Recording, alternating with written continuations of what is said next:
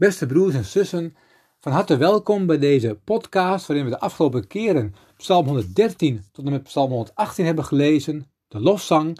Nu keren we weer terug naar het evangelie naar Matthäus. Matthäus 27 lezen we vandaag en daarvan de versen 1 tot en met 10. Jezus is gevangen genomen, hij is verhoord door het Sanhedrin, verlogend door Petrus en dan lezen we hoofdstuk 27. En ik lees uit de nieuwe Bijbelvertaling. De volgende ochtend vroeg namen alle hoge priesters met de oudsten van het volk het besluit Jezus ter dood te brengen. Nadat ze hem geboeid hadden, leidden ze hem weg en leverden ze hem over aan Pilatus, de prefect. Toen Judas, die hem had uitgeleverd, zag dat Jezus ter dood veroordeeld was, kreeg hij berouw. Hij bracht de dertig zilverstukken naar de hoge priesters en oudsten terug en hij zei: Ik heb een zonde begaan door een onschuldige uit te leveren. Maar zij zeiden: Wat gaat ons dan aan? Ziet het zelf maar op te lossen.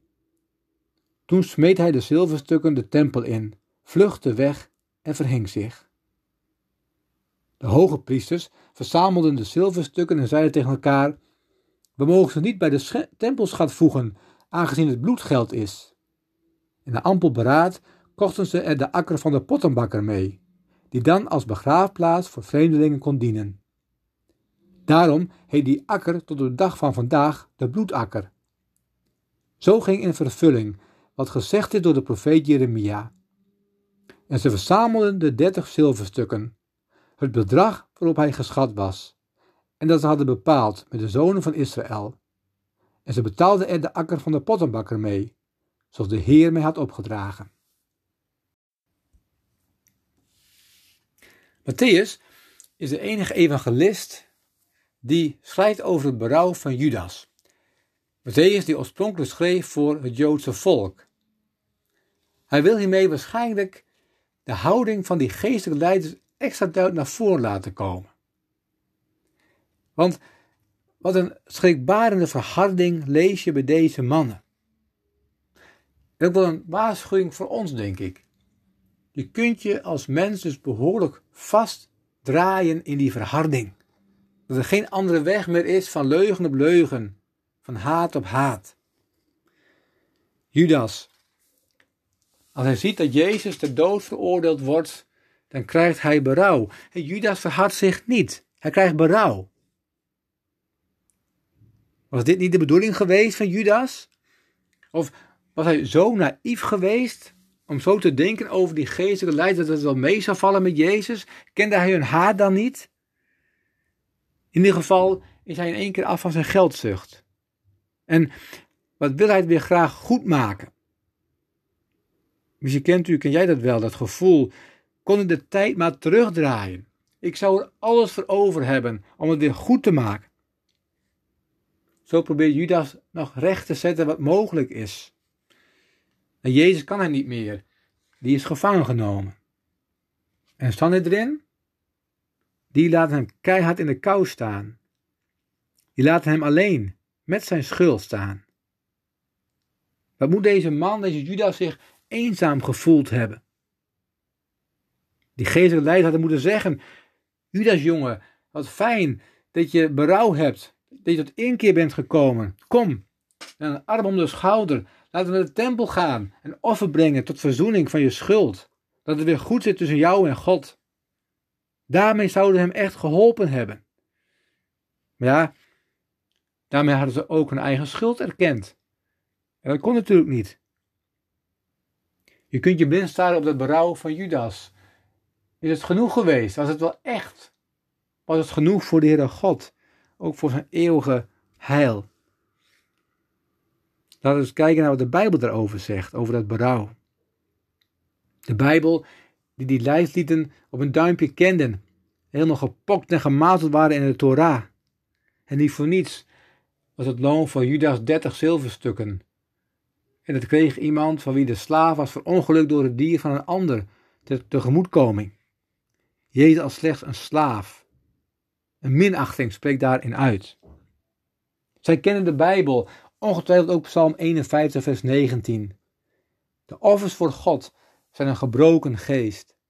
Een verbrijzeld en verslagen hart zult u, o God, niet verachten. Kijk, dat hadden ze moeten zeggen tegen Judas. Tegen die man met een verbrijzeld en verslagen hart. Ze zeiden het niet. Kende Judas die tekst? Of die tekst uit Ezekiel 33? Zo waar ik leef, spreekt de Heere, Heere. Ik vind geen vreugde in de dood van de goddeloze, maar daarin dat de goddeloze zich bekeert van zijn weg en leeft. Kijk, dat hadden ze moeten zeggen tegen Judas. Dan had ze hem echt geholpen. Ja, er kan iets raars aan de hand zijn met ons, onze Bijbelkennis. Dat je alles wil weten in die Bijbel staat, maar de teksten niet landen. Of dat je ze even aan de kant legt. nu even niet. Nu past het mij niet, deze tekst. Je bent verblind. Omdat je met je gedachten heel ergens anders zit, misschien wel. En bedenk ook dat die, die leiders van de Sanhedrin, die hebben ook de lofzang gezongen. Die psalm 113 tot 118. Maar die waren met hun hoofd heel ergens anders. En misschien hebben ze ook wel gehaast gezongen. Snel, we moeten verder met onze plannen, met ons werk. Maar ook als Judas deze teksten niet gekend heeft, hij kende wel het onderwijs van Jezus. Dat verhaal over die twee zonen, over die vader, over die ene zoon die zei: Ik heb gezondigd. Dezelfde woorden van Judas: Ik heb gezondigd. En die zoon ging terug. Hij vond de vader al op de uitkijk staan, met open armen. Kijk, zo hadden die geestelijke leiders zich moeten opstellen. In sommige tradities worden ook die geestelingen wel vaders genoemd. Hè? Ze hadden zo moeten staan. Welkom, verloren zoon. Kom terug bij het huis van de vader. Ja, zo nadenkend over Judas kom je uit bij het vaderhart van God. Als jij worstelt met een bepaalde schuld, met het verleden, met een bepaalde pijn, Laat die woorden landen. Een verbrijzeld en verslagen hart zal God niet verachten. Het bijzondere is dat Bach in de Matthäus-persoon dat ook zo gezien heeft. Die laat Judas zingen, zeggen, geef mij toch mijn Jezus weer. Zie het geld, het moordenaarsloon. Werp nu de verloren zoon voor uw voeten neer. Ja, zo heeft Bach het mooi kunnen zeggen. Maar Judas zelf ziet geen uitkomst meer. Wij, wij kunnen naar Jezus gaan met al onze nood, want Hij leeft. De weg is open naar de Vader, naar elkaar. En ook andersom. Zijn wij die Vader daar waar de geestelijke leiders in gebreken bleven, zijn wij als die vader uit de gelijkenis van de verloren zoon, zoals Henry Nouwen dat zo mooi uitlegt in zijn boek Eindelijk Thuis. Zijn wij zo ook als een vader, omdat we beseffen dat we allemaal van genade leven. En wijzen wij elkaar ook op dat vaderhart van God. Want het vaderhart van God, van God zal een verbrijzeld en verslagen hart niet verachten. Laten we nu ook samen bidden. Heere God, wij danken u voor uw woorden, woorden uit de psalmen, bemoedigende woorden, woorden uit de profeten, uw eigen evangelie, Heer Jezus. Wij danken u dat u, Heere God, ons als een vader met geopende armen opwacht. Ja, zelfs al op de uitkijk staat of we er aankomen. Ook hebben we er nog zo'n rommeltje van gemaakt in ons leven. U wilt voor ons het beste, het leven. Heer, we willen ook bidden voor hen die worstelen met hun schuld. Met een daad uit het verleden die niet teruggedraaid kan worden, die ook niet meer ongedaan gemaakt kan worden. Heer, dat we ook in die nood onze schuld brengen bij U. Dat ook met U delen. Heer, ook bidden wij u om vrijmoedigheid. Om, om toch die stap te zetten als het nog mogelijk is, om weer met elkaar in gesprek te gaan. Om dingen ook uit te praten. Heer, geef ook al die pogingen tot verzoening ook uw zegen. In ons eigen persoonlijk leven, maar ook in deze wereld.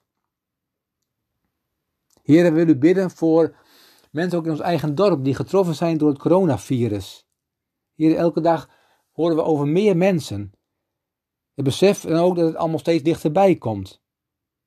Heer, en ook het verhaallijke van de ziekte van corona, wat ook heel veel onzekerheid geeft en spanning. Trouwe Vader, wilt u daar ook zijn met uw bescherming, dat mensen ook mogen vertrouwen op u. Heere, help hen. Geef ook hen de vrijmoedigheid om het te zoeken en te vinden bij u, om inderdaad bij u rust en vrede te mogen vinden. Zoals u ook, Heer Jezus, gezegd hebt, kom tot mij, allen die vermoeid en belast zijn, ik zal je rust geven.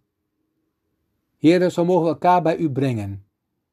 U weet wat onze situaties zijn. En hoe die ook is, Heere God, help ons om het bij u te brengen. De trouwe Vader in de hemel, die we mogen kennen door Jezus, uw Zoon. Amen.